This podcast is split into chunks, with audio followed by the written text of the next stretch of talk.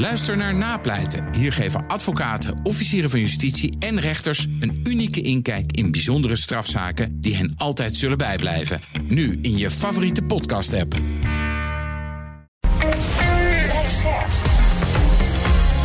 BNR Nieuwsradio. BNR breekt. Ivan Verrips. Goedemorgen en welkom bij BNR Breekt. Vanaf half twaalf gaan we praten over het nieuws van de dag. Over Nederland dat prima de winter doorkomt zonder Russisch gas. Kunnen we dan ook eindelijk weer wat langer douchen? En we gaan het hebben over ja, Netflix, want zij komen met een goedkoper abonnement. Maar dan krijg je wel weer reclames, een soort uh, SBS 6-flix. In mijn panel vandaag Joran van Velsen, voorzitter van de Landelijke Studentenvakbond. Fijn dat je er bent. Goedemorgen. En weer een debutant. De derde dag op rij dat we een nieuweling in het panel hebben. Je zou bijna denken dat er een soort grote schoonmaker gaan is onder onze panelleden. Kalle Duvekot, voorzitter van de Jonge Democraten. Goedemorgen. Goedemorgen en leuk om hier te zijn. Dat vind ik ook. Uh, debuut vandaag dus, opvolger van Joris Hetterscheid ben je dan, hè? Ja, zeker. Wat doe je naast je politieke leven? Ik studeer politicologie in Leiden. Dus en... ook politiek leven eigenlijk? Ja, zeker. En daarnaast heb ik een hele bijbaantjes gehad in uh, het onderwijs als uh, bijlesdocent. Wat zijn je doelstellingen met de jonge democraten? Ben je een soort tussenpauze die een beetje op de tent let? Of ga je dingen radicaal anders doen? Nou, ik ben verkozen met uh, onder andere het slogan het roer moet om. Dus ik ga oh, vooral intern de boel weer opbouwen na corona. En we gaan een visie uitzetten waarmee we echt het jongerengeluid bij D66 en bij de hele politiek kunnen laten horen voor de komende jaren. Nou, en ook dus hier bij BNR Breekt. We gaan uh, kennis met je maken de komende tijd. Uh, mocht je rare dingen horen in deze uitzending, gebeurt nogal eens. Vlieg erin en laat van je horen. En anders stel ik jou alweer vragen. Dan, voordat we gaan beginnen met ons breekijzer, nog even naar het laatste nieuws. Dat heeft ook te maken met Europa. Want de Europese Commissie verwacht dat de gemiddelde inflatie in ons land dit jaar uitkomt op 9,4 procent. En dat is fors hoger dan in mei. Toen raamde Brussel namelijk nog 7,4 procent. Dus dat is 2 procentpunt hoger. Ook hoger dan het verwachte gemiddelde voor de 19 eurolanden van 7,6 procent. En verder schroeft de commissie de economische groeiverwachtingen voor ons land terug van 3,3 procent naar nu 3 procent. Nou, later in de dag daar ongetwijfeld meer over hier op BNR. Wellicht ook in het tweede half uur van BNR breekt. Maar wij gaan nu naar. BNR breekt. Breekijzer. En het breekijzer heeft te maken met het Europees Parlement. Dat ondanks die torenhoge inflatie en allerlei crisis... doodleuk om extra geld bij de lidstaten bedelt... om zijn personeelsbestand uit te breiden. Uitbreiding gaat miljoenen kosten... en nu zijn zelfs de EU-lidstaten boos op het parlement. Dan maak je het wel heel bond, zou je denken. Kortom, het jaarlijkse spel om extra geld voor Europa is weer op de wagen... en daarom is ons breekijzer vandaag... er moet niet meer, maar juist minder geld naar Europa. Wat vind jij? Zie je graag dat Europa met minder geld hetzelfde doet? Of denk je, nou ja, kijk, we hebben in Nederland ook best wel heel erg veel aan Europa te danken. Dus ach, dat dat elk jaar wat meer kost, wat maakt dat toch eigenlijk uit? 020 468 4 keer 0 is ons telefoonnummer als je wil reageren. 020 468 4 keer 0 Je kan ook reageren via BNR Nieuwsradio op Instagram. Zometeen krijg je over een minuutje of twintig dan een tussenstand van me. Um, maar het leukste is als je even belt. 020 468 4 keer 0 Als het goed is, is ook bij ons nu Mendeltje van Keulen... lector van de Europese Impact Hub van de Haagse Hogeschool. Goedemorgen, Mendeltje. Goedemorgen. Nou, ons breekijzer, zeker als we die inflatiecijfers van net horen. Er moet niet meer, maar juist minder geld naar Europa. Wat vind jij? Ja, daar, daar ben ik het niet mee eens. Ik, uh, ik uh, zou zeggen dat. Uh, het een hele simpele, versimpelde discussie is, uh, waarbij uh, allerlei grote bedragen worden genoemd, miljoenen, miljarden, mm. zonder dat we overzicht hebben over het hele plaatje. Dus ik denk dat het wel belangrijk is om dat ze met z'n allen een beetje helder te gaan krijgen zometeen. Ja, laten we dat, dat zeker even gaan uitpluizen, want de bedragen vliegen mij ook om de oren. Um, um, laat ik dan eerst even kort naar mijn panelleden gaan. Dan gaan we daar eventjes die hele begroting uit elkaar trekken in een paar minuten. Dan snappen we ook waar het over gaat. nou, dan maar gelijk de vuurdoop voor Kallen, onze breekijzer vandaag. Er moet niet meer, maar juist minder geld naar Europa. Ik ben heel benieuwd wat jij daarover denkt. Ja, wij zijn natuurlijk tegen die stelling. Wij zijn echt pro-Europese jongeren. En je ziet gewoon dat het uh, Europees Parlement ongelooflijk belangrijke wetgeving voor maar liefst bijna 500 miljoen Europeanen aan moet gaan nemen. Ja, daarvoor hebben ze gewoon goede ondersteuning nodig. Dus zeker ook om meteen in te gaan op Sofie in het veld. Die zei al in het artikel: ja, uh, er moet geen geld gaan naar een baantjescarousel, mm -hmm. maar wel echt naar degelijke ondersteuning voor die parlementariërs. En uh, daar zijn wij het helemaal mee eens. Ja, um, oké, okay. mooi. Goed om te weten. Joram? Ja, ik ben er gedeeltelijk daar wel mee eens. Uh, ik denk dat het uh, inderdaad goed is dat we ondersteuning ook krijgen uh, binnen het Europees Parlement. Maar tegelijkertijd is dit stuk natuurlijk echt wel heel slecht voor het imago van het Europees Parlement. Het beeld wat er vaak is, is dat het toch een beetje een corrupte insidersclub is. En dat wordt niet heel erg geholpen met, met zo'n zo nieuwsartikel. Mm -hmm. dus ja, dat is wel, wel zorgelijk. Ja, oké. Okay. Mendeltje, laten we dan maar gelijk eventjes kijken. Europees Parlement, daar zitten 705 leden in. Dat kost geloof ik iets meer dan 2 miljard. Um, en welk deel is dat als je zegt van we moeten echt even kijken naar die Europese begroting, hoe werkt dat? Uh, is dat veel? Is dat weinig? Nee, dus 1 procent. Nou, laat ik zo zeggen. Nee, ja, voor het gemiddelde huishouden hebben we het natuurlijk over duizelingwekkende bedragen. Mm -hmm. Maar als we het hebben over hoe een uh, gemiddelde overheid werkt, het is 1 procent van de Europese begroting. En daarvan gaat dan ook nog een klein deel, uh, dus naar alle Europese organisaties, en een klein deel gaat naar het Europese parlement. En dat deel, dat wordt nu, uh, ja, een claim van het EP zelf, substantieel hoger. Dus we hebben het over eigenlijk ja, een klein deel van een klein deel, maar zij willen wel veel meer. En dan gaat het over miljoenen. Mm -hmm. Ja, als je dat in de krant zo zet en zou lezen bij je kopje koffie, dan proest je het natuurlijk uit. Ja. Uh, dan zeg je van jeetje, wat een geldverslindende instelling is dat. Uh, maar als we kijken dat je, je zou ook kunnen framen, nou ja, een heel groot deel van het Europese geld gaat naar onze boeren, gaat naar onze vissers, uh, die krijgen daar subsidies voor. en dat is eigenlijk wat de Europese Unie doet. Dus dat is een heel ander frame. Hè? Dus een beetje de vraag, hoe kijk je naar, naar van die hele grote bedrijven? en hoe breng je ze ook als medium in het nieuws.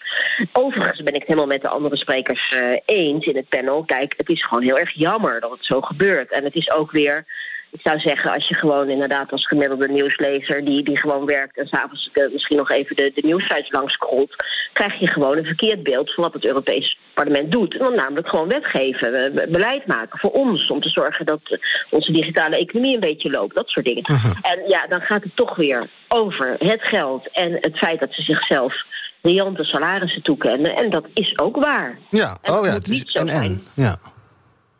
Nee, maar het is en-en. Maar over dat eerste horen we natuurlijk erg weinig. Ja. Hè? We lezen erg, erg weinig over hoe gaat het nou eigenlijk met die wetgeving. En wat, wat is dat nou, wat, wat, zijn nou de inhoudelijke verschillen van de discussies die ze daar doen? En waar zijn we het mee eens als Nederland en waar niet? En weet je, dat is dus gewoon een inhoudelijke discussie. En we lezen elke keer als het over het Europese parlement gaat eigenlijk over twee dingen. Eén, ze verhuizen elke maand naar Straatsburg. Ja ridicul, belachelijk. Ik kan het ook niet uitleggen. Bijna niemand in het EP kan het uitleggen. Maar ja, we willen de Fransen niet anders. Dus nou, dat is dan een uitleg. En het andere is nu ook weer de begroting. Ja, kost veel geld voor de gemiddelde belastingbetaler. Ja. ja, dat is natuurlijk als je die twee dingen dan oplicht en de andere niet, dan krijg je, en dat begrijp ik, een bepaald soort negatieve sfeer mm -hmm. uh, over zo'n instelling. En zijn het dan een beetje anti-EU-media die dat doen? Hè? Telegraaf is daar kritisch op, vindt dat leuk om daar lekker op in te hakken. Is, zijn het een beetje dezelfde, dezelfde clubs die dat steeds doen? Ja, het is een, een keuze van, van een redactie hè, om te zeggen wat gaan wij laten zien. Uh, gaan we laten zien dat een aantal Nederlandse Europarlementariërs hartstikke mooie uh, brokjes wetgeving aan het maken zijn. Wat die straks binnen zijn in Nederland. Goed werk. Of zeggen we, hè, ze hebben zichzelf uh, uh, nou, weer wat baantjes toegeschoven. En daar zijn overigens ook de EU-insiders in Brussel gewoon boos over. Hè. Dit is echt wel een rel. Het is niet zo dat er niks aan de hand is. Mensen zeggen, jeetje, dat moet niet gebeuren. En onze eigen Sofie in het veld zegt zelf ook van, nou, zo moeten we het niet doen. Ja. we moeten overigens ook niet de hele tijd verhuizen naar Straatsburg. Moeten we ook niet willen. nou, en dat komt dan in de krant en dat andere niet. dat is een keuze van de redactie. Ja. Kan jij schetsen wat het parlement er nou bij wil? Want ik geloof dat het gaat om 160 16 parlementaire assistenten. 52 voltijdsbanen moeten erbij komen. Uh, ik las iets over een uh, nieuw uh, directoraat-generaal voor Parliamentary Democracy Partnerships. Geen idee wat dat is. zijn het allemaal nodige plekken die, ja, waar echte lacunes zitten in, bij het parlement nu? Nou, laat ik het wel vooropstellen dat het Europese parlement, net als overigens de Tweede Kamer, wel, wel zucht aan een probleem van capaciteit. Mm. Want zij moeten heel veel wetgeving maken. En je moet je voorstellen dat bij het maken van zo'n wet, dan onderhandelen zij over amendementen op een artikel. Dus dat is echt wel vrij gedetailleerd werk. En wat, wat zij moeten doen, en dus echt die Europarlementariërs, die moeten dan daarover gewoon goede informatie hebben. En dat doet de staf. Dus het is echt wel belangrijk dat ze slimme mensen in dienst hebben die hen daarbij helpen. Uh, omdat ze ook moeten optreden tegenover de regering, hè, die Mhm. daar hun eigen ambtenaren ook weer voor hebben. Dus het is een beetje zo'n onderhandelingsspel. En ik vind het goed dat het Europese parlement eh, daar, nou, daar de goede mensen voor heeft. Wat er nu aan de hand is, dat is een politiek machtsspelletje. Ze hebben daar een nieuwe voorzitter. En die nieuwe voorzitter die zegt, joh, ik heb eigenlijk wel wat vrienden. En die vrienden wil ik eigenlijk ook aan een baan helpen. En daar ga ik een speciaal directoraat-generaal voor bouwen. Daar ga ik ook een bepaalde politieke partij bij een beetje bij helpen. Want die was een beetje achtergesteld intern. Ja, dat zijn het soort van spelletjes die overigens ook aan het, eh, nou, het vroegere Binnenhof ook wel plaatsvonden. Waar wij dan ook kritisch naar kijken. Van, joh, moet je dat nou willen, hè? Dat een voorzitter zijn eigen assistenten regelt en zijn eigen baantjes regelt. Zouden wij ook niet willen. Fijn, kennelijk is dat iets menselijks, dus dan moet je controle op de macht hebben. Journalisten moeten daarover schrijven. Eh, maar ik vind vooral dat journalisten zouden moeten schrijven over de bulk van het werk wat daar gebeurt, nogmaals, en dat is wetgeven. Ja. Kalle, ehm, zou het niet ook zo moeten zijn dat misschien het parlement wat beter moet uitleggen waarom dit nodig is? En eh, eh, het is ook een soort, zeker als je een beetje aan de zijlijn staat, is het een onbegrijpelijk stelsel van aan de ene kant de commissie, het parlement, de raad. En heb je nog tientallen allerlei clubjes die iets met Brussel te maken hebben. En die komen dan met trilogen bij elkaar. Het is een onbegrijpelijk verhaal.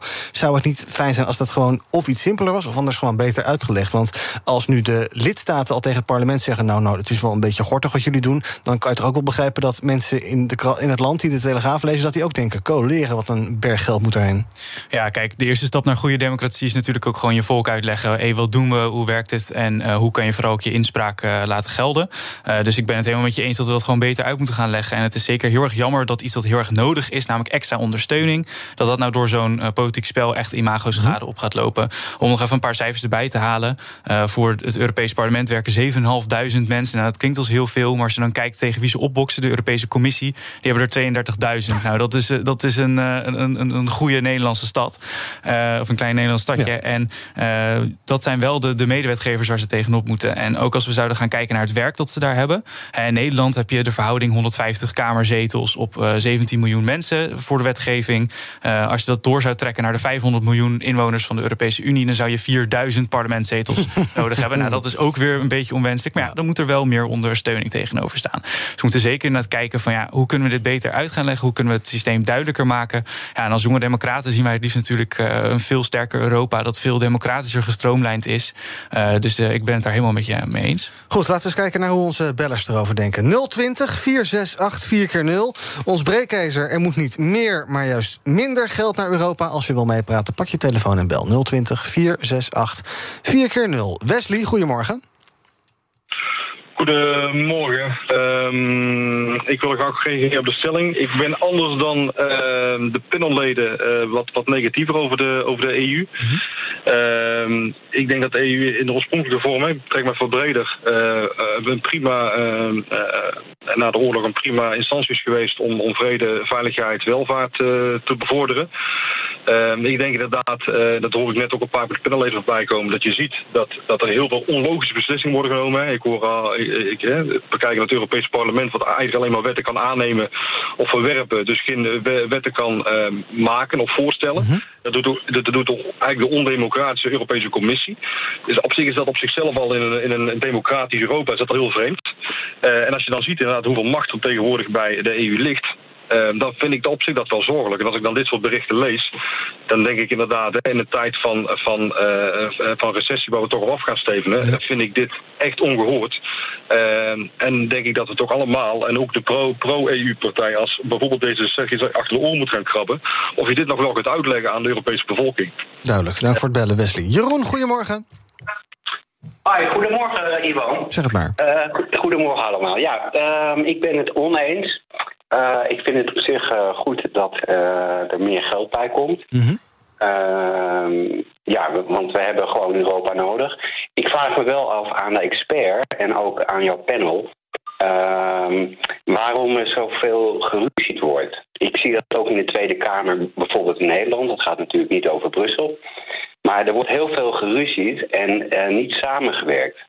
Dus is daar, is daar een antwoord op? Ja, nou ga ik zo voorleggen. Dank voor het bellen. Okay, Rob, Rob, jo, Rob, goedemorgen. Goedemorgen, met Rob de Beeld. Hallo Rob. Ja, ja ik kan alleen maar dit zeggen. Het Europese parlement moet zelf ook bezuinigen. En te beginnen met dat belachelijke reiscircus ja. van elk jaar van Brussel naar Straatsburg. Dat men daar moet vergaderen. Neem één locatie, dat is veel goedkoper. Dan geef je ook een positief signaal af van we willen zelf ook bezuinigen. Dit is niet meer van deze tijd. Duidelijk, dank voor het bellen. En tot slot van dit blokje nog even naar Maarten. Goedemorgen. Ja, goedemorgen. Nou ja, eh, eens met de voorgaande sprekers, eh, voornamelijk ook met Wesley. Eh, kijk, de Europese Unie was inderdaad een, uh, in de eerste instantie een uh, Europese samenwerking, uh, de ECC. En nu is het uitgegroeid tot iets wat wetten maakt voor landen op supranationaal niveau. Mhm. Dus het staat ook boven landen. En er werd ook gesproken net door een van de panelleden over het aantal um, parlementsleden wat we in, bijvoorbeeld in de Tweede Kamer hebben. Ja. Um, maar als ik de aantallen hoor van de mensen die dan werken voor de Europese Commissie. Um, dat zijn er heel veel. En daar gaat ook heel veel geld naartoe. En ik vind ook dat omdat eh, de lidstaten uh, zijn zelf allemaal de democratieën. Uh, maar dat is aan het vervagen. Hè, omdat er natuurlijk heel veel geld en heel veel macht bij de Europese Commissie zit. En dan heb je het er ook nog mee te maken dat uh, regeringspartijen zoals D66, uh, de, uh, die, die wonen ook Wildeberg-conferenties bij, zitten ook bij het Wereld Economisch Forum. Ja. En dat zijn instituties die nog veel meer macht hebben dan de Europese Unie. Okay, nou. Dus eigenlijk wordt de macht steeds meer gecentraliseerd. en ja, kijk, imago-schade. Kijk, de mensen gaan nu toch wel inzien dat. Um, deze ja, op macht beluste organisaties -hmm. steeds meer macht naar zich toe trekken. Ja. Nou ja, jammer dat ze imago-schade hebben. Duidelijk. Kijk, Engeland heeft een voorbeeld gegeven met Brexit. -hmm. En ik hoop dat er meer landen zullen volgen. Uh, Nexit, Brexit, Brexit. Ja, heel goed. Het is gewoon niet goed wat er gebeurt. Met Dank voor het bellen, Maarten Borst. BNR breekt. Ivan Verrips. Zit D66 bij het WEF? Geloof het niet, toch? Niet dat ik weet. Hm, nou, we gaan nou, kijken. Uh, in mijn panel vandaag Kalle Duvekot van de Jonge Democraten... Joram van Velzen van de LSVB. Ook bij me is Mendeltje van Keulen, lector aan de Haagse Hogeschool. We praten over ons breekijzer. Er moet niet meer, maar juist minder geld naar Europa. Als je wil reageren, 020 468 4 keer 0 Je kan nog een paar minuutjes van je laten horen, dus bel ongeveer nu. 020 468 4 keer 0 um, dan gaan wij daar nog even over praten. Mendeltje, ik hoorde net een van de bellers zeggen... Ja, waarom, waarom ruzien ze daar zo? Waarom treden ze niet als één front op? Dat zou misschien enorm helpen voor de steun, dat zei je net ook al. De, daarbij is de vraag ook een beetje... is dit ook een soort, uh, dat gedoe om dat geld voor het parlement... is dat een soort rituele dans... en uiteindelijk tekent iedereen gewoon alsnog bij het kruisje? Uh, nou, die laatste vraag te beantwoorden. Ja, ik denk dat dat zeker zo is. Het is een beetje een rituele dans zoals wij in de, straks in september weer een begrotingsbehandeling hebben. Waarbij de ministers ook aan de Tweede Kamer weer geld uh, gaan vragen. En uh, ja, we moeten daar een beetje samen uitkomen. Ik Mhm. moest wel, toen ik naar de, toen ik naar de bellers luisterde, moest ik denken aan de de tennisclub, waar ik ooit een keertje in een commissie heb gezeten. En uh, dacht van jeetje, wat is er bij zo'n. je hebt dan één keer per jaar zo'n ledenvergadering. En er was altijd gedoe. tussen allemaal commissies. En dan was er weer ruzie. En dan was er weer zo'n lid dat opstond. En die vond van alles over de statuten en zo. Mhm. Misschien dat, dat luisteraars zich dat wel herkennen.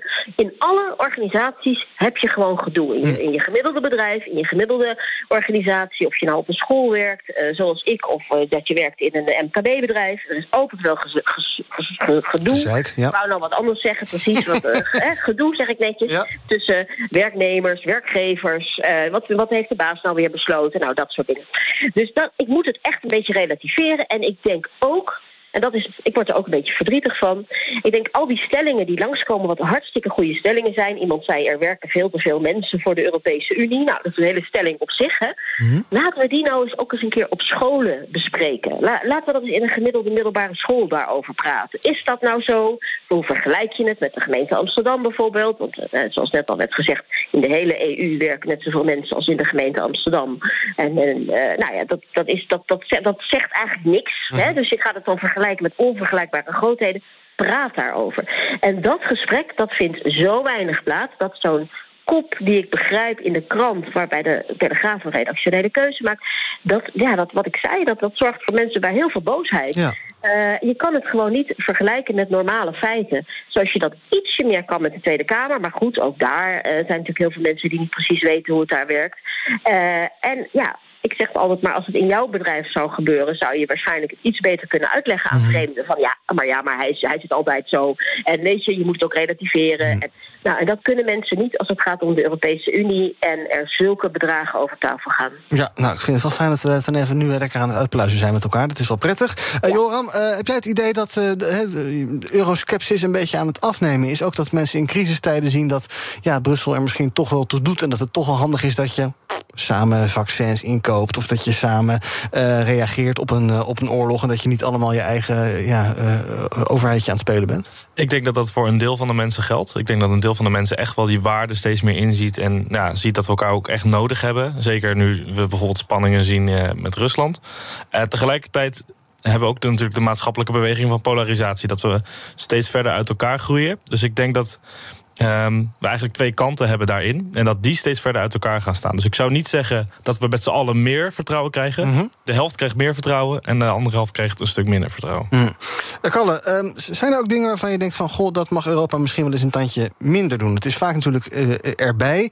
Overheden en ook bedrijven die hebben altijd de neiging om eh, meer te gaan doen. Ehm, maar zijn er ook dingen waarvan je denkt van... goh, het kan ergens ook wel eens minder. Misschien dingen die wat minder relevant zijn voor Brussel om nu op te pakken... waarvan je zegt van nou, laten we het maar eens wat meer terugschuiven naar de, naar de lidstaten.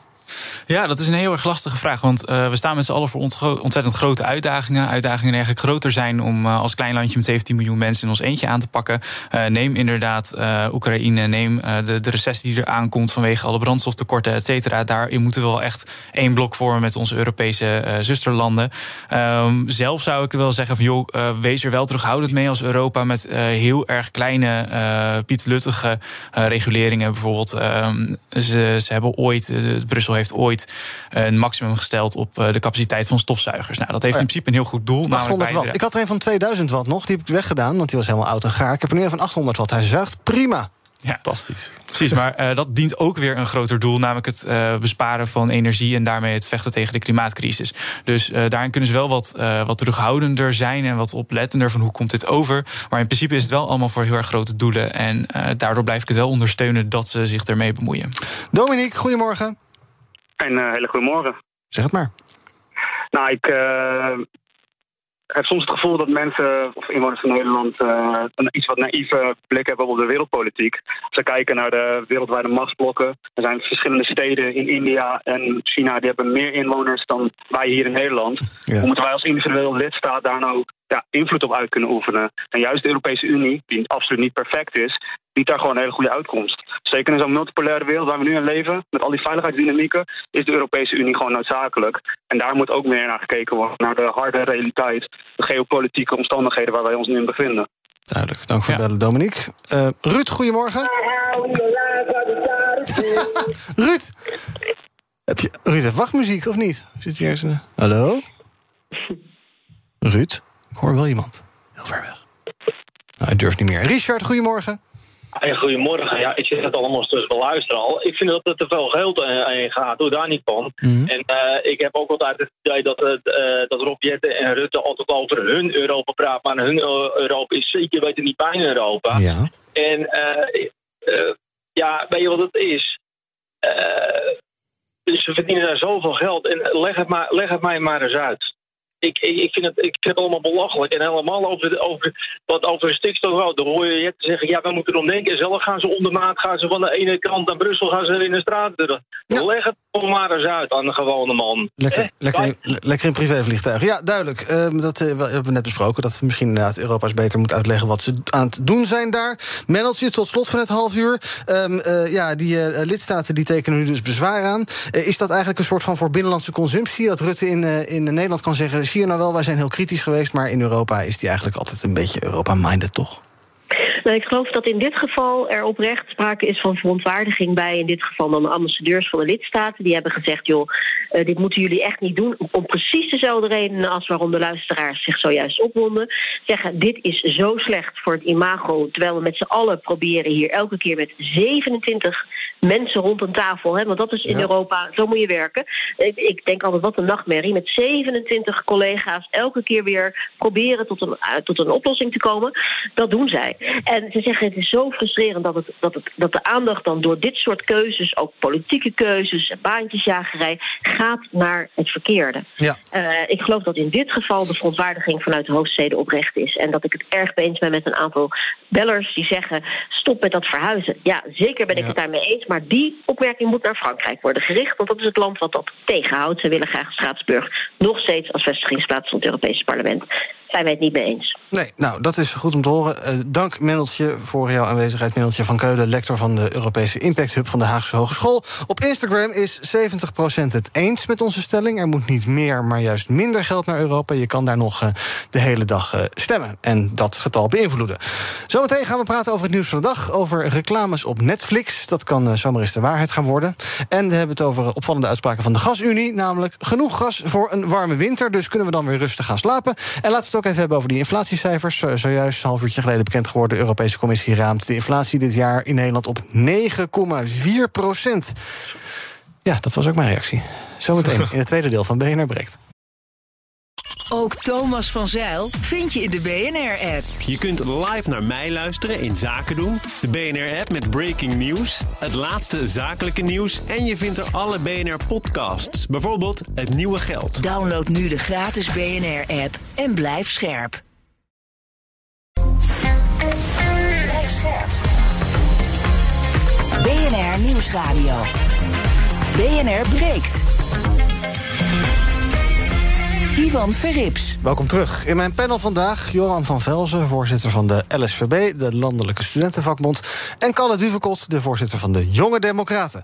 We gaan praten over het eh, nieuws van de dag. Eh, toch maar even te beginnen bij eh, dat inflatiecijfer, 9,4 procent, half uur geleden bekend geworden. Het is een raming van de Europese Commissie over dit jaar. Is meer dan het verwachte gemiddelde voor de eurolanden. Daar is het 7,6 procent, Nederland dus 9,4 procent. En twee maanden geleden werd nog 7,4 procent geschat. Het wordt dus, eh, alles wordt duurder en nog duurder dan we eigenlijk al dachten. Ja, het is fijn eh, voor studenten, Joram. Ja, eh, echt heel fijn Ja. voor studenten. Ja, die zijn er heel blij mee. Nee, ehm, Die kunnen op allerlei, natuurlijk, allerlei steunpakketten kunnen ze aanspraak maken. Ja, oh nee, toch niet? Nee, nee, nee, want geen energietoeslag. Nee, ik, ik, ik schrok net even toen het cijfer langskwam. Inderdaad, hoger dan verwacht. En ik denk dat juist ook kwetsbare groepen in Nederland hierdoor geraakt gaan worden. En studenten zijn, wat mij betreft, ook echt een van die groepen. Eh, het kabinet ziet dat niet altijd zo. Bijvoorbeeld het feit dat we dus worden uitgesloten van energietoeslag. Ehm, maar ja, ik, ik was wel geschrokken. Ja, eh, en oh, is die energietoeslag bijvoorbeeld het belangrijkste... wat je nu als een soort speerpunt naar voren zou willen brengen? Nou ja, het is het totaalpakket, denk ik. Eh, als ik het even een kort uitstapje doe. eh, de, natuurlijk zijn de, de prijzen van de boodschappen bijvoorbeeld gestegen. Maar de huurprijzen zijn torenhoog. geen energietoeslag. eh, eh, je moet lenen om aan, je, aan je geld te kunnen komen. Slechte compensatie voor de pechgeneratie. Weet je, al dat soort dingen. Dat ramt er lekker op in bij studenten. En dan is inflatie nog wel een, een druppel eh, die Ja. de emmer doet overlopen. Kalle, wat moeten we doen? Er wordt al, eh, als we het aan Rutte vragen, dan zegt hij... ja, er wordt al zoveel geld uitgegeven van compensatie. Miljarden, 6 miljard of zo. Ehm, maar eh, ja, hier kan je bijna niet tegenop compenseren... tegen dit soort eh, percentages. Ja, en toch zou je het wel echt moeten proberen. Je ziet gewoon dat, ja, je ziet gewoon dat studenten, zoals de Landelijke Studentenvakbond ook al zei, hier gewoon wel de dupe van worden. We moeten ook heel erg uitkijken dat hierdoor ook niet de rentes omhoog schieten op de studentenleningen, op de studieleningen. Dan zijn we nog veel verder van huis. Dus we moeten daar gewoon echt heel erg scherp op blijven. Inderdaad, gewoon die energietoeslag gewoon voor ze gaan fixen. Want eh, anders dan, eh, ik wil woon zelf in een eh, woning uit de jaren 60. Nou, dat, daar kan je al wat voorstellen over die isolatie. Los van wat dat met het klimaat doet, is dat ook gewoon ontzettend slecht voor studenten die het gewoon al krap hebben. Tegelijkertijd, Kalle, heeft D66 niet de motie gesteund om studenten te compenseren voor de energietoeslag. Of de energietoeslag te regelen voor studenten. Dus dat lijkt een beetje ja, bijna hypocriet. Nou, eh, kan ik je wel herinneren dat ik hier niet voor D66 zit, maar voor de Jonge Democraten. En we zijn het daar ook wel echt met onze moederpartij oneens. Mm. Eh, ze hadden dat wel gewoon echt moeten regelen. Ze moeten er gewoon zijn voor studenten, eh, want ze, ze zijn ook de onderwijspartij. Eh, dus, eh, en de klimaatpartij. Dus op dit gebied hadden ze echt gewoon voor moeten staan. Ja, eens. Ehm, en eh, als we het- het plaatje breder bekijken, ehm, eh, energietoeslagen en dergelijke voor mensen. Er is een enorm gevecht om geweest, laatst in de Tweede Kamer nog. Nou, er wordt nu gekeken of er dan nog 500 euro extra naar eh, de, de, de armsten kan of de laagste inkomen kan via de gemeente. Gaat waarschijnlijk wel gebeuren. Maar wat ik zei, hier is het natuurlijk niet tegenop te, te compenseren. Dus we moeten maar accepteren dat we gewoon allemaal armer worden met z'n allen. Eh, nee, dat zou ik niet doen. Nee? Maar eh, Hoe, hoe gaan we dan voor zorgen dat. Want ja, dat ko- koopkracht wordt natuurlijk een drama. Is al een drama, wordt een drama. Ja, het is ook zeker inderdaad een, uh, een, een, drama. En we moeten daar heel goed uh, naar gaan kijken. En uh, ik denk dat dat vooral inderdaad aan het kabinet is en ja. aan Europa om daar met een groot plan te komen. Want dit is niet alleen iets wat in Nederland plaatsvindt. Ja. Dit is in heel Europa zo. En dat ook in de Verenigde Staten. Dus dit is globaal en dat moeten we ook groter aanpakken. Misschien het World Economic Forum. Um, we gaan praten over andere nieuws van de dag. GasUnie, of eigenlijk uh, GasUnie, het uh, transportbedrijf, verwacht geen uh, gastekort deze winter. Ook als Rusland niks levert. Nou, dat is dan misschien fijn. Maar dan moeten we wel aan een soort paar voorwaarden voldoen. Lezen we in het Financiële Dagblad, onze zalmroze zusterkrant. Daar komen ze. De 20% lagere vraag naar gas vanwege de hoge prijzen moeten aan blijven houden. Kolencentrales moeten op volle kracht blijven draaien. LNG-capaciteit moet daadwerkelijk verdubbelen. Dat is al een soort van toegezegd, maar dat moet wel echt gaan gebeuren.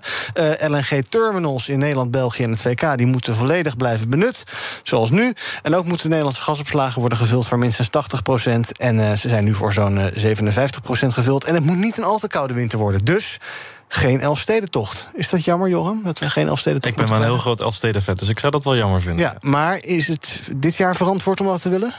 Ja, je zou bijna denken van niet, hè? Nee. Maar ja, um, ik denk dat dit blootlegt dat er zoveel voorwaarden moeten zijn... om te zorgen dat we niet afhankelijk zijn van, uh, van Russisch gas... en dat we voldoende hebben. Mm -hmm. um, ja, dat het wel betekent dat eigenlijk hoe wij onze economie hebben ingericht, dat dat niet werkt nu. Uh, ik, helaas hoor ik ook niks over verduurzaming. Ik had dat wel gehoopt. Mm -hmm. Ik denk dat dat ook een heel belangrijk onderdeel is... waar we echt op moeten inzetten als, uh, als Nederland. Ja, nou ja, we hebben dus in vrij korte tijd best wel veel energie, gas weten te besparen met elkaar. Ja. Dus dat, dat is natuurlijk een deel uh, verduurzaming. Of in ieder geval bewustzijn dat je misschien niet je verwarming op 24 graden moet zetten... tenzij je 85 plus bent. Ja, dat, dat, dat is denk ik heel goed. Ik denk dat dat uh, ook een stukje bewustzijn is wat belangrijk is. Maar het gaat ook over natuurlijk huizen die verduurzaamd moeten worden. En dan doe ik even mijn studentenbed natuurlijk weer op. Voor studenten is dat heel... Ik heb daadwerkelijk een bed op, dus mijn studentenbed. Ja. Maar uh, ook wel weer afdoen zometeen als je, geen als je niet meer als student praat. Over een aantal jaar, ja. Okay. Maar um, ja, voor studenten is dat natuurlijk heel lastig... omdat het niet je eigen huis is die je kan isoleren. Ja. Maar als je jonge democraten pet kan, heb je een pet? Denk het niet. Ik heb vast wel ergens een pet liggen. Ja, daar hoef je niet per se op te doen. um, als je dit bericht zo leest van de gasunie, denk je dan ook... Pff, nou, we zijn aan een ramp ontsnapt, gelukkig. We kunnen even een beetje ontspannen. En het gaat gewoon wel goed komen? Of denk je dan... Nee, ik ben vooral heel erg bang dat iedereen dat gaat denken... en weer uh, vrolijk gas gaat gebruiken en wat langer gaat douchen, et cetera.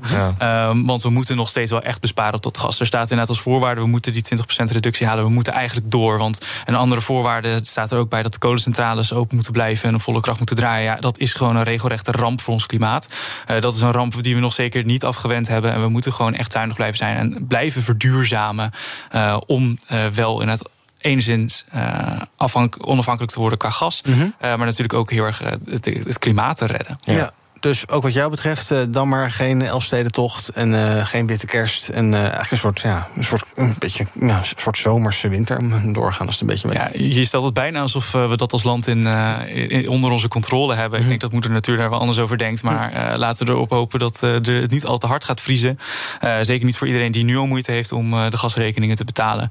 maar laten we ook echt gaan kijken hoe gaan we dat gasverbruik gewoon zoveel mogelijk reduceren. Zowel voor het klimaat als voor onze geopolitieke onafhankelijkheid. Ja. Je zou bijna denken, opwarming van de aarde is een zegen... want dan wordt het niet zo koud in de winter. Maar dat klopt niet helemaal, denk ik. Nee. Uh, we gaan van gas naar stroom. Ook een opmerkelijk bericht. Het Rijk wil miljarden steken in lokale stroomnetten... om zo de krapte op de elektriciteitsnet aan te pakken... en klimaatdoelen te halen, schrijft het Financiële Dagblad. Die stroomnetten die zijn nu nog in handen van allerlei provincies en gemeenten... en in ruil voor die miljarden wil het kabinet daar dan wel meer zeggenschap over krijgen. Um, het kabinet wil dus uh, ja, fors gaan investeren in wat nu iets is van de regio's. Uh, er moeten ook allerlei lokale rust stroomnetten worden opgezet. Het is één grote. Ja, het dreigt om vast te lopen, het elektriciteitssysteem. Het idee is dat we ook de komende jaren veel meer elektriciteit nodig hebben voor uh, elektrische auto's en dergelijke. Uh, dus goed idee dat het Rijk zegt van joh, die gemeenten en die provincies, uh, die gaan maar eventjes op het tribunebankje zitten en wij nemen even de regie hier. Ja, ik, ik moet zeggen, ik vind het een ingewikkeld thema, omdat ik niet precies weet hoe het nu geregeld is en waar het nu precies misgaat. Maar ik zou zeggen, als het Um, als we dan toch weer bij het puntje duurzaamheid aankomen... en dat is hierbij in het belang... Um, en, en dat kan, kunnen regionale partijen kunnen dat simpelweg niet dragen... dan zou ik zeggen, ja, heel goed dat, uh, dat het Rijk daarin uh, inspringt. Ja, want het gaat dus om clubs als Alliander en Stedin en Enexis. Dat zijn die netbeheerders, die hebben allerlei aandeelhouders... gemeenten en dergelijke. Maar die uh, bedrijven die hebben ontzettend veel geld nodig... voor die energietransitie. En die zeggen eigenlijk, ja, alleen maar de staat kan dit betalen. En ja, de gemeente Appelscha die heeft niet zoveel geld in kas. Dus goed idee, dat we daar miljarden in gaan steken aan eh, eh, belastinggeld? Ja, zeker. Je ziet nou eindelijk een kabinet dat gewoon echt ballen heeft... om eh, een probleem aan te pakken, dat visie toont en zegt van... joh, we moeten hier gewoon op ingrijpen. Ons stroomnet is kennelijk niet opgewassen tegen uh, nog meer verduurzaming... namelijk naar elektrische middelen. Uh, dus daar moet gewoon wat aan gebeuren. Um, en uh, dat zal natuurlijk ook weer aansluiten op minder gas gebruiken. Mm -hmm. als je een, een huis elektrisch laat koken... dan heeft dat ook weer meer energie nodig, ja. et cetera, et cetera. Dus het is gewoon heel erg goed voor de verduurzaming... en voor het klimaat dat we dit uiteindelijk gaan aanpakken. En daar wil ik wel één kanttekening bij maken. Laten we dan die nieuwe capaciteit op stroomnet niet gebruiken... voor een nieuw datacentrum in Groningen. Dat zag ik ook weer langskomen. Mm -hmm. Ik denk dat we daar wel genoeg van hebben. Hm, en die gaan maar lekker naar Duitsland, of zo? Of, want jij wil wel blijven WhatsApp en Instagram en Netflix kijken... en dat soort dingen doen, denk ik. Ja, precies. Nou, maar het hoeft niet uh, precies alle nieuwe energie op te, op te vreten... die we hier in Nederland hebben opgewekt. Of uh, ons nieuwe ons nieuwe netwerk te belasten... wat we juist voor verduurzaming bedacht hadden. Dat zou een beetje zonde zijn. Oké, okay, we gaan kijken naar wat uh, jullie zelf was opgevallen in het nieuws. En ik begin bij Joram. Jij wil het hebben over een uh, petitie die jullie starten samen met het LAX...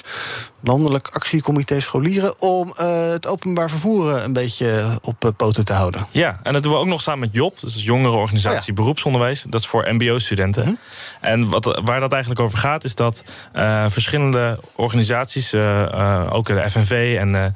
Uh, OV-bedrijven geven aan als, als de, het over, de overheid niet voldoende uh, uh, blijft uh, investeren mm -hmm. in OV-bedrijven. Dus wat ze tijdens de coronacrisis wel hebben gedaan. Dan zou het best kunnen dat ja, onze verbindingen enorm krimpen. Dat we zien dat er bussen uitvallen. En ja, daarom hebben, zijn we eigenlijk deze petitie gestart. Om ook te zeggen, ja, die toegankelijkheid van het onderwijs is zo belangrijk. Zoveel mensen zijn afhankelijk van bussen en treinen om naar school te kunnen komen. Ja, daar moet echt wel een vangnet voor zijn. Ja, maar hoe belangrijk is het dat al die treinen overal blijven rijden? Want die OV-bedrijven die schreeuwen ook moord en brand. Die zei daarnaast nog, we willen een half miljard aan garantie. Nou, dat wordt, is 150 miljoen geworden. Um, ja, als er een trein minder gaat, dan neem je toch een trein later. Ja, ik denk dat, het, dat je daarin wel heel makkelijk maakt. Je slaat er wel een beetje plat. Ik denk dat het ook gaat om regionaal vervoer. Dus het gaat ook om, om uh, hogescholen, universiteiten, -hmm. uh, ROC's en, en, en middelbare scholen... die niet in de Randstad zitten. Die echt heel erg afhankelijk zijn van regiovervoer. Van een bus die eens in het uur, half uur rijdt. Ja, als dat soort dingen weg gaan vallen. En de kosten worden nog eens hoger voor een scholier die geen gratis OV krijgt. Ja, ja dan ben je echt de sjaak. En dat moet echt goed geregeld zijn. Ja. En het gaat hier natuurlijk ook gewoon om betrouwbaarheid. Uh, je hebt steeds meer mensen, als telkens mijn trein uitvalt, ja, dan ja. zal ik misschien sneller bij een, belangrijke, uh, bij, bij, een belangrijk college of een tentamen denken: joh, ik leen een auto ergens. -hmm. Nou, en dat is ook weer wat je niet wil. Je wilt juist mensen in, uh, het, in het OV, omdat het ook gewoon beter is voor het milieu. Ja, maar dan moeten die mensen wel gaan. En nu rijden er allemaal praktisch lege bussen en treinen rond. Dus heeft er ook geen zin? Nou ja, ik denk dat het wel heel belangrijk is dat mensen gewoon naar school kunnen komen. En ja. um, ik, ik, denk dat we dat als uitgangspunt moeten nemen. Er moet gewoon een goed vangnet zijn. Je moet gewoon betrouwbaar OV hebben. En dat is de basis. Schoolbus. Een schoolbus, ja. ja. Lekker Amerikaans. Ga jij rijden? Met zo'n klapbord. ja, leuk. Dat lijkt me best leuk. Uh, Oké, okay, we gaan naar... Ook Liesbeth Staats vind je in de BNR-app. Ja, heel handig. Luister live naar Kees en mij tijdens de Daily Move. Dan blijf je ook gelijk op de hoogte van breaking news en het laatste zakelijke nieuws. En daar vind je ook alle BNR-podcasts, waaronder de Perestrooikast. Download nu de gratis BNR-app en blijf scherp. BNR breekt. Kalle, jij wil het hebben over drugs. En een drugswinkel van de Universiteit Utrecht die zijn deuren geopend heeft. Dat moet je zeggen. De UU is een drugsdealer geworden? Nou, dat, uh, dat vind ik een hele mooie take. Maar uh, nee, de Universiteit Utrecht is echt uh, met die drugswinkel in Utrecht onderzoek aan het doen. naar wanneer Nederlanders bereid zijn ecstasy te kopen. of wanneer zij het in ieder geval veilig willen doen. -hmm. dit vinden wij een ontzettend goede stap op weg naar legalisering. daarmee kan je namelijk heel goed kijken naar het decriminaliseren van dit hele circuit. en ook naar de volksgezondheid. je kan nu al bijvoorbeeld in Amsterdam je pillen laten testen als je naar een festival gaat. maar ja, dat, dat heeft nogal wat haken, wat haken en ogen. Bijvoorbeeld wachttijd, omdat het gewoon officieel natuurlijk nog steeds niet mag. Ja. Uh, en uh, we kunnen wel zeggen dat de war on drugs wel echt een beetje uh, zich heeft verloren. ook als we kijken naar hoe we de heroïnecrisis hebben aangepakt een paar decennia geleden. Dat was niet op verslaven, verslaving, ver, ver, verslaafde mensen ja. in en uit de gevangenis sturen. Maar dat ging echt op, op, op, echte ondersteuning en echt decriminalisering. Dus ik vind het heel goed dat ze dit aan het oppakken zijn. Oké, okay, voordat ik benieuwd ben wat jij daar verder van vindt. hoe, hoe, hoe, hoe werkt dat met die drugswinkel? Want het is dus een onderzoeksopstelling. Um, met een fysieke winkel wel. Maar, maar, hoe doen ze dat onderzoek? Ja, het is een soort museum en uh, je kan er natuurlijk niet echte ecstasy kopen. Nee. Uh, voordat daar hele lange rijen voor, uh, voor verschijnen. Dan moet ik dat even eens bij De jonge democraten zeiden het, ja. nou, we hebben zelf ook een aantal jaren geleden een ecstasy shop geopend. Volgens oh. mij in Amsterdam of in, in Utrecht. Ook met het doel om legalisering aan te kaarten. heel succesvol. Um, maar wat ze dan eigenlijk doen is dat je langs verschillende ja, soort fases van, van het aankoopproces eigenlijk door dat museum heen beweegt. En bij verschillende manieren op bij verschillende afhaalpunten eigenlijk andere vragen krijgt. Bijvoorbeeld, uh, zou jij, uh, dan kom je in een kelder, uh, een soort technobunker, en mm. daar staat dan iemand te draaien en die zegt van, ah oh, ja, ik kan hier ook nog wel verkopen. maar ja, mag ik dan wel een kopie mm. van je idee? Ja, dat oh. is natuurlijk eens om te kijken hoeveel mensen daarmee akkoord gaan. Ja.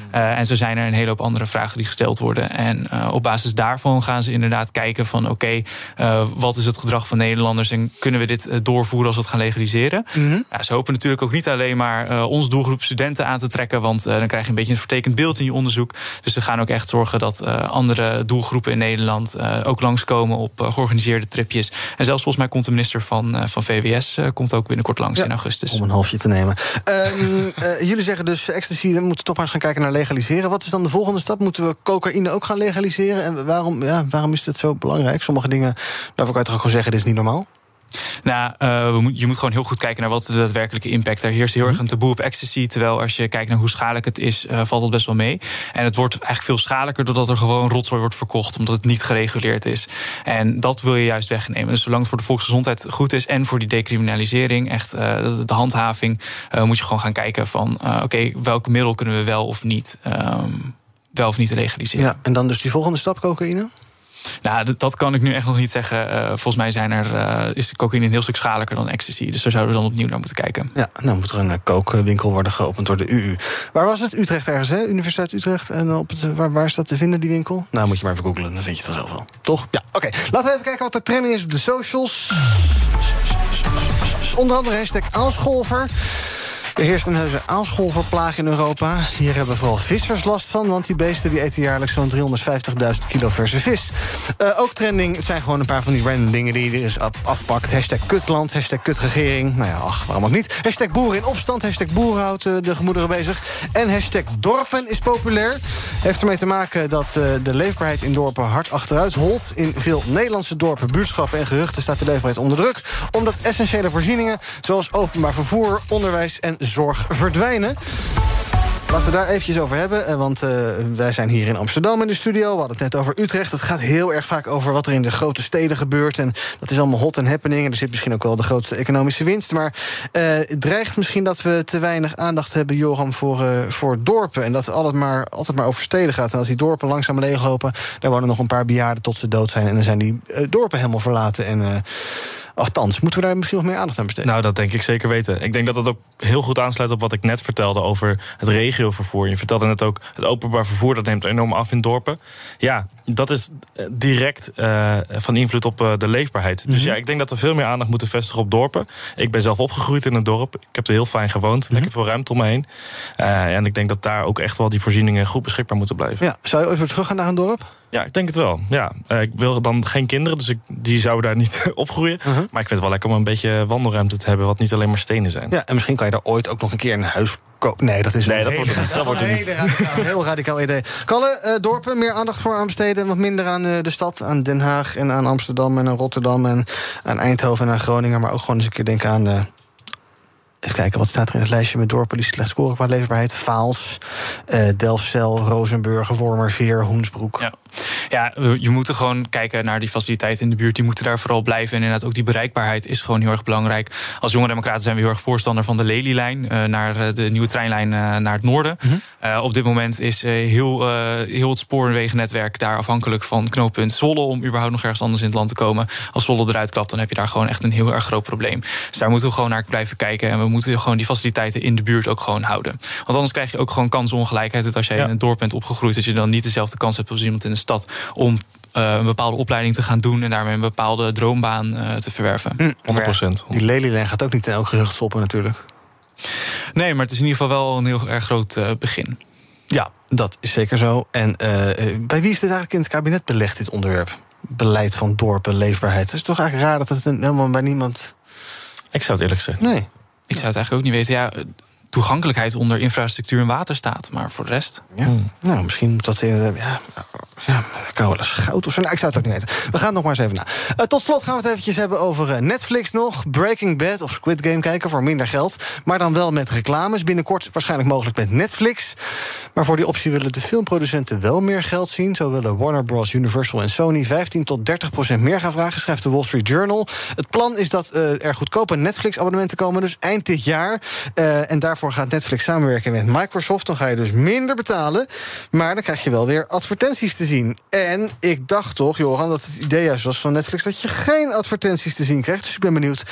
Dacht jij dat nou interessant of niet? Ja, ik vind hem lastig. Ik, zelf zou ik het. Uh, persoonlijk zou ik er heel erg tegen zijn. Omdat ik denk, ja, ik wil gewoon zonder uh, reclames kunnen kijken. Nou, ja. dat zal natuurlijk nog steeds blijven bestaan. Mm -hmm. Ik vind het mooi dat het goedkoper wordt. Maar ik vind het nog mooier dat uh, misschien Netflix wat meer geld moet inleveren. Ik denk dat concurrentie onder verschillende uh, streamingdiensten... dat dat heel goed is voor de consument. Ja, waarom denk je, waarom kijk je graag zonder reclames? Want we bespraken net al dat alles duurder wordt, enorme inflatie. Nou, als je dan een beetje kan besparen op uh, je Netflix-abonnement... dan betaal je een paar euro minder. Moet je af en toe wat seconden naar een van de infantiele reclame kijken... over inlegkruisjes. Nou ja, prima. over inlegkruisjes, ja, dat kan zeker. Um, ja, het, het, algoritme is niet helemaal op orde. Nee, precies, ja. Nee, Um, ja, ik ben dan toch een beetje een luxe paard. Ik, ik uh, kijk. Uh, uh, een aantal series kijk ik uh, fervent. Dus die kijk ik heel even veel. tips. Uh, Peaky Blinders kijk ik Uh-huh. uh, veel. Vikings vind ik een heel leuke serie. En Community. Um, ja, en ik vind het heel lekker. Als ik die serie kijk, dan wil ik gewoon geen reclames hebben. Dan wil ik gewoon helemaal erin wegzakken. Ja. Maar ik vind het heel mooi dat die de optie er wel is. En dat uh, er een goedkoper abonnement uh, beschikbaar wordt. Kalle, wat vindt uh, Jonge Democraten van reclame op Netflix? Hebben jullie daar een standpunt over? Ik heb het niet zo heel erg snel aan het vinden, nee. Net al wat je er zelf van vindt. nee, ik kijk zelf het ook natuurlijk het liefst zonder reclame. die optie blijft als het goed is ook gewoon nog bestaan als je een betaald account ja. hebt. Dus daar ben ik heel erg blij mee. inderdaad om dezelfde reden als Joram. Je moet gewoon lekker in een serie weg kunnen zakken. Inderdaad, sommige series hebben ook een heel erg uh, wat meer kunstzinnige onderlaag eronder. Die oh, mis je tips? gewoon als je de hele tijd. Uh, zelf kijk ik op dit moment ben ik net begonnen aan Borgen. Dat is uh, de serie uh -huh. over de Deense premier. een, so een, soort andere versie van House of Cards. Ja. En dan wel met goede moralen. um, het is nieuwste seizoen, toch? Daar is, uh, wat is ze ook alweer? Minister van Buitenlandse Zaken? Uh, ja, nee, dat is de opvolger ervan. Ik ben inderdaad oh, ben ik ook ingestonken. Ik ben eerst vrolijk begonnen niks. met inderdaad de sequel. En, Spoilers, ja, oké, okay, ja. En, en, toen dacht ik, oh, volgens mij mis ik hier het een en ander ja. informatie. Toen bleek er nog een hele serie voor te zitten. Mm -hmm. Dus die ben ik nu aan het kijken. Okay. Uh, maar dat is inderdaad, ja, en vooral inderdaad over, over die, die, die concurrentie. Ja, dat blijft alleen maar heel erg goed. niet voor de kijker zelf, want de grap gaat inmiddels. Ja, als je het echt wil kijken en er echt heel veel zin in hebt, dan staat het niet meer op Netflix. Het op Disney Plus of Amazon Plus of Amazon Prime of HBO Max. Heb je ook abonnement, op? Op al die drie, vier, vijf, zes andere uh, diensten? Nee, nee, ik probeer er toch uh, niet uh, al te erg in te stinken. Uh -huh. Ik heb nou samen met mijn vriend heb ik een HBO Max account gedeeld, omdat oh, er ja. weer een spin-off komt van Game of Thrones. Oh, dus ja. die willen we wel zien. Ja. maar verder blijf ik daar een beetje van weg. Ja, nou, het gaat denk ik toch nog wel goed met ons als we kunnen concluderen dat we niet bereid zijn om een paar euro in te leveren en daar dat reclames voor terug te krijgen. Pas als dat het geval is, dan ga ik me echt zorgen maken. Ja. Dank voor jullie aanwezigheid vandaag. Joram van Velzen, voorzitter van de LSVB... en Calle Duvekot, voorzitter van de Jonge Democraten. Morgen is BNR Breekt er weer. Ik denk met Kees Dorrestein. Ik probeer dat altijd op te zoeken, maar ik vergeet het ook altijd. Waarschijnlijk met Kees Dorrestein. Tot die tijd kun je ons volgen via de socials. Zoek maar even op uh, YouTube, Instagram, Twitter, TikTok, LinkedIn. Wij zitten niet op die streamingdiensten. Het zou wel leuk zijn als je gewoon ook dit kon terugkijken daar op Netflix of zo. Dan ook zonder reclame. Nee, dat vindt BNR weer niet leuk. Nou, ik ga erover nadenken hoe dit een businessmodel wordt. Zometeen is Thomas van Zel hier met Zaken doen. Ook Hugo Reitsma vind je in de BNR-app. Superhandig die BNR-app. Je kunt alle programma's live luisteren, breaking nieuwsmeldingen. Je blijft op de hoogte van het laatste zakelijke nieuws. En je vindt er alle BNR-podcasts, waaronder natuurlijk de belangrijkste, Boeken zijn in de wijk. Download nu de gratis BNR-app en blijf scherp.